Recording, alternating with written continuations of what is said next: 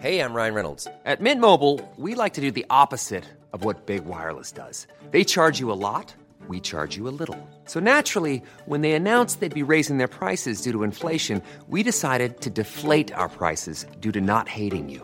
That's right. We're cutting the price of Mint Unlimited from $30 a month to just $15 a month. Give it a try at mintmobile.com slash switch. $45 upfront for three months plus taxes and fees. Promo rate for new customers for limited time. Unlimited more than 40 gigabytes per month. Slows. Full terms at mintmobile.com. Hey, it's Ryan Reynolds, and I'm here with Keith, co star of my upcoming film, If, only in theaters, May 17th. Do you want to tell people the big news? All right, I'll do it. Sign up now and you'll get unlimited for $15 a month in six months of Paramount Plus Essential Plan on us. Mintmobile.com slash switch. Upfront payment of $45 equivalent to $15 per month. Unlimited over 40 gigabytes per month. Face lower speeds. Videos at 480p. Active Mint customers by 531.24 get six months of Paramount Plus Essential Plan. Auto renews after six months. Offer ends May 31st, 2024. Separate Paramount Plus registration required. Terms and conditions apply if rated PG. Hiring for your small business? If you're not looking for professionals on LinkedIn, you're looking in the wrong place. That's like looking for your car keys in a fish tank. LinkedIn helps you hire professionals you can't find anywhere else, even those who aren't actively searching for a new job but might be open to the perfect role. In a given month, over 70% of LinkedIn users don't even visit other leading job sites. So start looking in the right place. With LinkedIn, you can hire professionals like a professional. Post your free job on linkedin.com slash people today. Du lytter til en podcast fra TV2.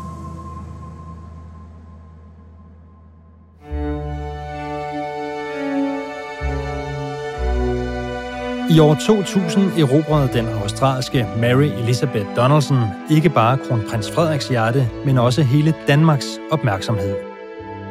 Tre år senere blev parret gift, og Mary blev kronprinsesse af Danmark. Siden har hendes interesser strakt sig langt ud over det kongelige. Hun har blandt andet engageret sig i kampen for ligestilling og bekæmpelse af mobning. Og i dag tager Mary så endnu et nyt skridt og bliver officielt dronning af Danmark – men hvem er Mary, og hvordan vil hendes tidligere erfaringer forme hende som dronning? Det handler dato om i dag. Mit navn er Lasse Sjørslev.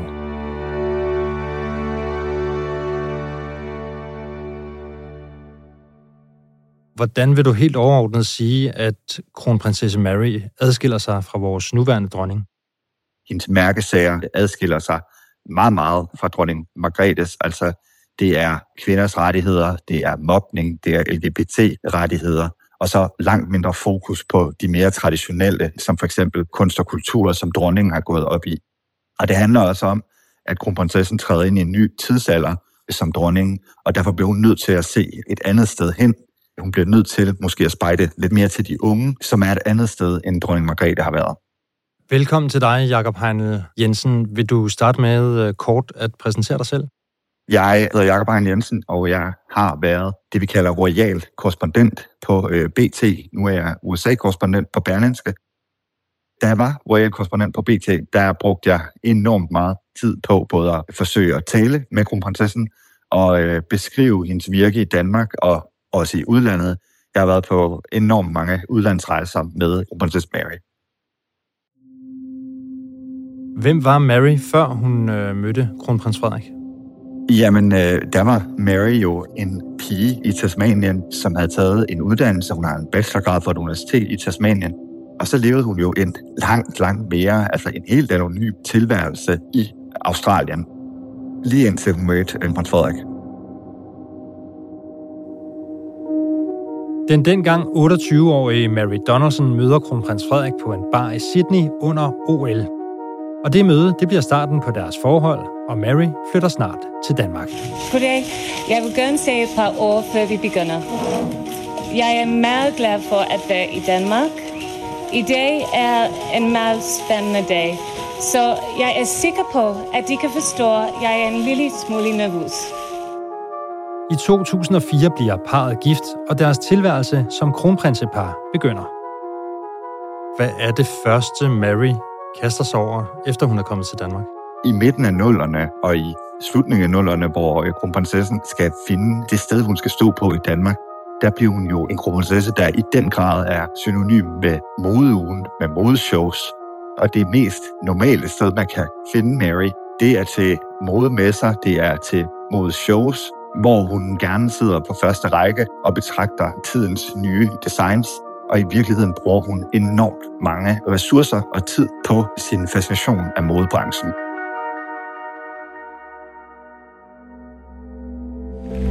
Kronprinsesse Mary deltog i aften i Dansk Fashion Award i København. Her på Mary bliver nærmest et ikon i modebranchen, og i slutningen af nullerne var hun med til at overrække priser til Dansk Fashion Award, hvor hun også selv modtog en pris, nemlig Respektprisen for at fremme dansk mode. Kronprinsesse Mary ankommer til Dansk Fashion Awards, og her blev hun modtaget af Kim Greno og Uffe Bukart, som er de største modeeksperter i Danmark. Kronprinsesse Mary kindkysser med de to, inden hun sætter sig ned på sin plads og overværer denne her modepris, som bliver uddelt. Når Mary kommer ind i et rum, så bliver folk meget optaget af Mary, der bliver stille. Kronprinsessen, hun har sådan en nærmest magisk effekt på folk. Hun kaster ekstra glans over et hvert arrangement i den danske modebranche. Det er det ypperligste, modebranchen kan få. Det er en blåstempling fra kronprinsesse Mary. Det er at Mary viser sig her. Hvad er det så, der ændrer sig? Kronprinsesse Mary har også andre sager. På det tidspunkt er modebranchen ikke en kontroversiel branche, øh, en klimabelastende branche. Det er faktisk helt normalt, at hun kaster sig over modebranchen. I 2007 grundlægger kronprinsessen Maryfonden, som blandt andet arbejder for at bekæmpe mobning og ensomhed – det bliver begyndelsen på en ny retning som kronprinsesse. I takt med, at hendes engagement i modebranchen bliver afviklet, så begynder kronprinsessen at kaste sig over, hvad skal man sige, nogle mere seriøse, mere alvorlige, men også mere værdipolitiske sager. Det er for eksempel mobning, det er klimaet, det er LGBT-rettigheder. Kronprinsessen flytter sig mere og mere væk fra den modebranche, som hun ellers var meget, meget glad for, og hen til de her mere sådan værdimæssige interesseområder. Man ser et klart skifte i midten af 2000'erne. Man skal ligesom væk fra at have for meget med modebranchen at gøre, og i stedet for, så skal vi fokusere på de her lidt mere tunge emner. Og hvorfor gør hun det? Det gør hun, fordi at man kan ikke være modekronprinsesse. Det er ikke længere nok for Marys profil, at hun er synonym med modebranchen. Hendes profil skal simpelthen være tungere. Der skal være nogle andre ting, som den går op i, i takt med, at vi jo også bevæger os tættere og tættere på et tronskifte. Parret skulle være klar til at tage over. Og så går det jo ikke, at man kun har kastet sig over mode og modebranchen. Så det er vigtigt, at man også får vist danskerne, at man har en lidt tungere profil, at man tager nogle seriøse emner op, som danskerne også interesserer sig for, og som danskerne måske forventer af en kongelig i øh, 2020'erne. Hvor meget af det her kommer fra Mary selv, og hvor meget af det kommer fra kongehuset? Jeg tror, at meget af det kommer fra Mary selv. Jeg tror, at hendes øh, engagement i Mary-fonden er i den grad båret af hendes egen øh, lyst til det. Og jeg tror sådan set også, at den generelle profil passer Mary enormt godt. Jeg tror, at det svageste for kronprinsesse Mary er i virkeligheden det mere folkelige. Altså det her med at dukke op ude i landet til øh, forskellige festivaler, Altså, jeg tror gerne, Mary vil ud i den store verden og vise, at hun gør en forskel, ikke bare for Danmark, men også for folk for eksempel i den tredje verden. Det er klart en profil, øh, der ligger godt til hende. Hun er fuldstændig naturlig, når hun ankommer til øh, et arrangement i FN-regi i New York. Altså det er i virkeligheden det, der er hendes store force, det er øh, at være en slags FN-kronprinsesse.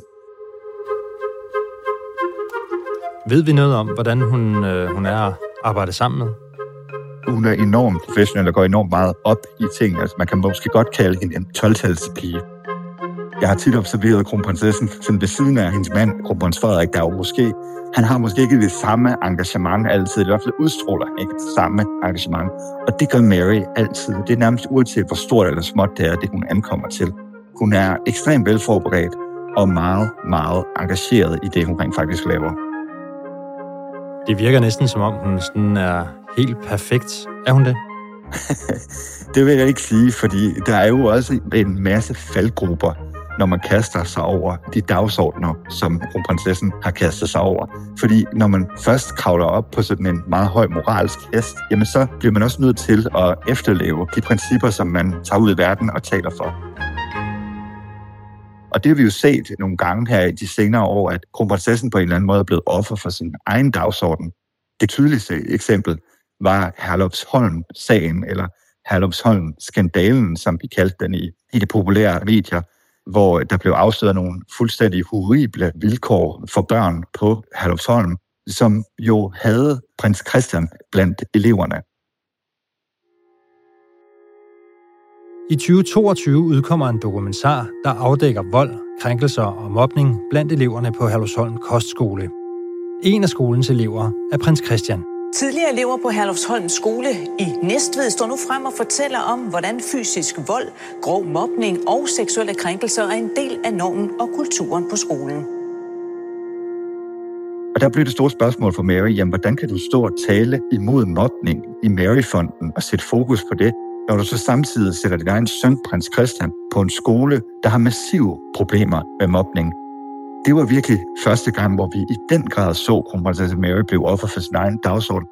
Hun kunne simpelthen ikke forsvare at sende prins Christian på Herlufsholm. Og det var nok der, hvor det også gik op for Mary, at der også skal være noget balance i tingene, eller at hun i hvert fald er nødt til i den grad at have styr på alt det private, hvis hun skal gå ud i verden og prædike de ting, som hun gør.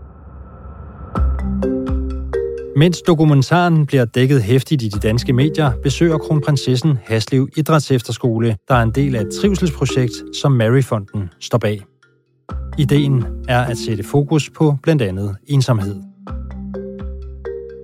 Midt under øh, uh, Herlufsholm-skandalen ankommer kronprinsesse Mary til Haslev Idræts Efterskole. Det er en lun forårsdag, der er utrolig mange medier til stede. Kronprinsessen skal tale om mobning, og hun skal lytte til eleverne på skolen.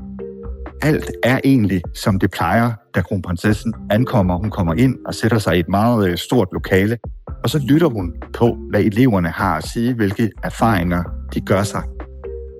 Da kronprinsesse Mary kommer ud igen efter at have mødtes med eleverne inde på idrætsefterskolen, så har vi jo enormt mange spørgsmål til hende, som alle sammen omhandler Herlufsholm-krisen. Men kronprinsessen vil ikke svare på nogen af de her spørgsmål. Kronprinsesse Mary siger, at vold og mobning aldrig er acceptabelt. Mobning og vold er aldrig acceptabelt og kan aldrig retfærdiggøres. Det skal bekæmpes, og det skal få... Men i stedet for at svare på vores spørgsmål, så sætter hun sig direkte ind i sin kronebil. Tak for i dag. Men hvorfor sender de så ikke deres børn på en anden skole? At Halvfem lever op til øh, Maryfondens kodex. Døren lukker, og hun forlader Haslev Idrætsefterskolen. Men det overraskende er efterfølgende elevernes reaktion. Alle de elever, jeg taler med på Haslev Idrætsefterskole, mener, at kronprinsesse Mary er hyklerisk. Hun er dobbeltmoralsk, og hun lever ikke op til det, hun rent faktisk selv står for. De siger direkte, at kronprinsessen er dobbeltmoralsk, fordi hun sender prins Christian på Herlufsholm, samtidig med, at hun kommer her på Haslevs Idræts Efterskole og belærer dem om mobning. Det falder fuldstændig til jorden, og det er for første gang nogensinde, at jeg har set en så voldsom reaktion mod kronprinsesse Mary, som vi skal huske er måske den største 12 i det danske kongehus. Man kan aldrig sætte en finger på hendes arbejde, og her står flere elever og vil simpelthen kritisere hende i meget, meget alvorlige vendinger. Det er en helt, helt, helt uvandt situation for Mary. Og så kan man sige, øh, skal kronprinsessen altid kunne svare på kritik? Og det vil sige, det skal hun i hvert fald i det her tilfælde, fordi at hun har anlagt den her meget mere det politiske position, som hun har gjort, så skal hun have nogle svar klar til pressen, og det har hun ikke her, og det leder til en sønderlevende kritik efterfølgende, også fra øh, politiske kommentatorer. Det er simpelthen ikke en måde at håndtere en krise på, er hvad Det er meget, meget uprofessionelt, det kronprinsesse Mary leverer her. Hun kommer ned til det her, og hvad kan hun svare? Jamen hun kan jo bare sige, der foregår i øjeblikket nogle store undersøgelser omkring Herlufholm, Og jeg går ud fra, at de undersøgelser, de øh, vil føre til et resultat. Mit udgangspunkt, det er det arbejde i Maryfronten mod mobning og så videre. Det kunne hun jo bare have sagt. Altså, det der bare at vende om og gå, det duer bare ikke.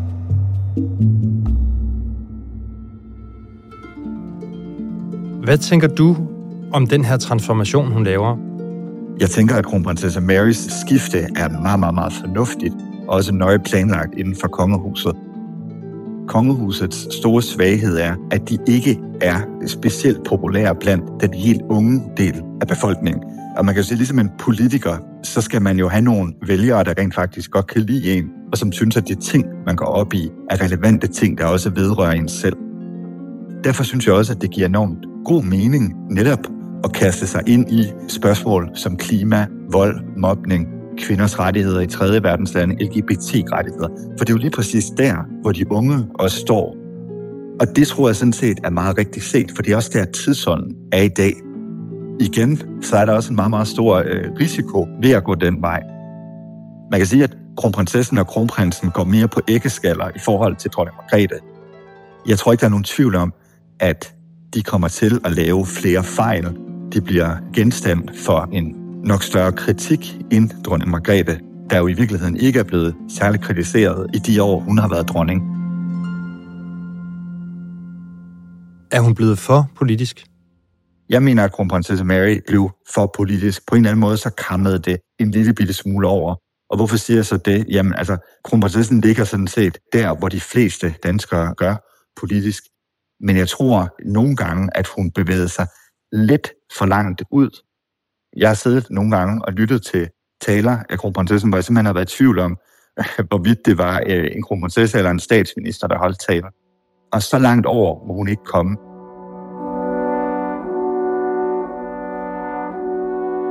Og nu står kronprinsesse Mary over for måske endnu en forandring. I hvert fald skal hun øh, nu til at være dronning. Hvordan tror du, hun kommer til at forandre sig, forandre sit virke herfra?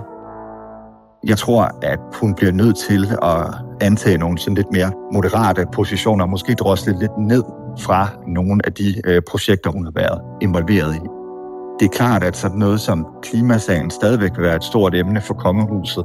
Det er noget, både kronprinsen og kronprinsessen går meget op i, så det kan man nok ikke helt afvikle. Men det bliver nok sværere for Mary at stå og tale om, at vi skal bruge de øh, rigtige pronomener og indtage sådan en position som en meget woke kronprinsesse. Der skal man nok sådan øh, trække lidt i bremsen og få hende ind på et sådan lidt mere folkeligt plan, hvor alle kan være med, både dem til venstre og til højre øh, på den politiske skala. Jeg tror, at man vil se, at kronprinsessen bliver sådan lidt mere strømlignet og lidt mere moderat, når hun bliver dronning. Hvordan tror du, øh, Mary bliver som dronning? Jeg tror, Mary bliver en meget dygtig dronning, og jeg tror, at kronprinsen skal være meget, meget glad for, at han har øh, Mary ved sin side, fordi det betyder også, at vi kan forvente en dronning, der altid er vel forberedt til de ting, hun skal ud til, og så også en meget, meget arbejdsom dronning. Jeg tror ikke, der er nogen, der nogensinde har øh, observeret eller arbejdet med kronprinsesse Mary, der ikke vil kalde en hårdt arbejdende. Så der er forandringer på vej, men øh, hvad tager hun alligevel med sig fra dronning Margrethe? Vel egentlig dronning Margrethes grundighed, evnen til at være engageret i de ting, som hun beskæftiger sig med.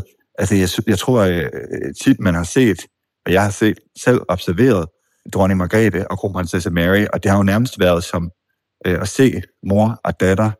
Altså, dronningen har lært kronprinsessen op på mange måder, og hun har faktisk haft ret god tid til at gøre det. Hun vil tage uh, dronning Margrethes grundighed og færdigheder med sig, og så vil hun udvikle sin helt egen måde at være Danmarks nye dronning på. Er det i virkeligheden uh, Mary, der bliver konge? Altså det tror jeg mange, der har observeret kongehuset, vil sige, simpelthen fordi, at Mary hun har været så arbejdsom og dygtig, hvor det nogle gange, uden at fornærme vores kommende konge, øh, kan man sige, at kronprins måske har kommet lidt mere sovende til nogle af opgaverne. Og på den måde kan man godt sige, at Mary i hvert fald også vil have en stor plads og en stor magt i det fremtidens kongehus, som øh, vi ser ind i. Jeg tror sådan set egentlig også, det er meget naturligt, for man kan sige, at kronprins Frederik er født til jobbet. Det er kronprinsessen ikke. Hun har skulle arbejde sig op og bevise over for danskerne, siden hun kom fra Australien, at hun vil være en dygtig dronning, når den dag kommer. Det gør den jo så lige om lidt. Så hun har på en eller anden måde altid skulle bevise, at hun kunne finde ud af at være kronprinsesse og dronning. Det har hun kunnet. Hun har altid gjort det til et 12 -tal. Og det tror jeg, at sådan en som kronprins Frederik skal være glad for, for så kan han måske også få en lille lur i bilen på vej til opgaverne i fremtiden. Nu øh, har du dækket kongehuset i mange år. Nu sker det største i kongehuset i flere årtier, og jeg ved, at du ikke engang skal se det. Hvordan er det? Jeg skal dække de amerikanske primærvalg fra øh, staten Iowa, så jeg kan desværre ikke følge med. Og det er selvfølgelig lidt specielt. Man kan sige, at det er kulminationen på kongehuset siden 1972. Øh, så det er selvfølgelig lidt specielt ikke at følge med. Så jeg regner også med, at jeg vil sidde på mit hotelværelse i Iowa om aftenen og se, hvad der er sket i Danmark. Jakob Heinl, tak fordi du var med. Tak. Dagens episode var tilrettelagt af Emma Katrine Bjerre. Lyddesign står Pauli Galskov for. Redaktør er Astrid Louise Jensen. Og mit navn er Lasse Sjørslev.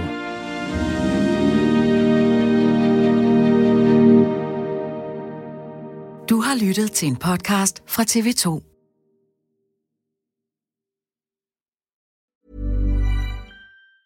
Planning for your next trip? Elevate your travel style with Quince. Quince has all the jet setting essentials you'll want for your next getaway, like European linen, premium luggage options, buttery soft Italian leather bags, and so much more. And it's all priced at 50 to 80% less than similar brands. Plus, Quince only works with factories that use safe and ethical manufacturing practices. Pack your bags with high-quality essentials you'll be wearing for vacations to come with Quince. Go to quince.com slash trip for free shipping and 365-day returns.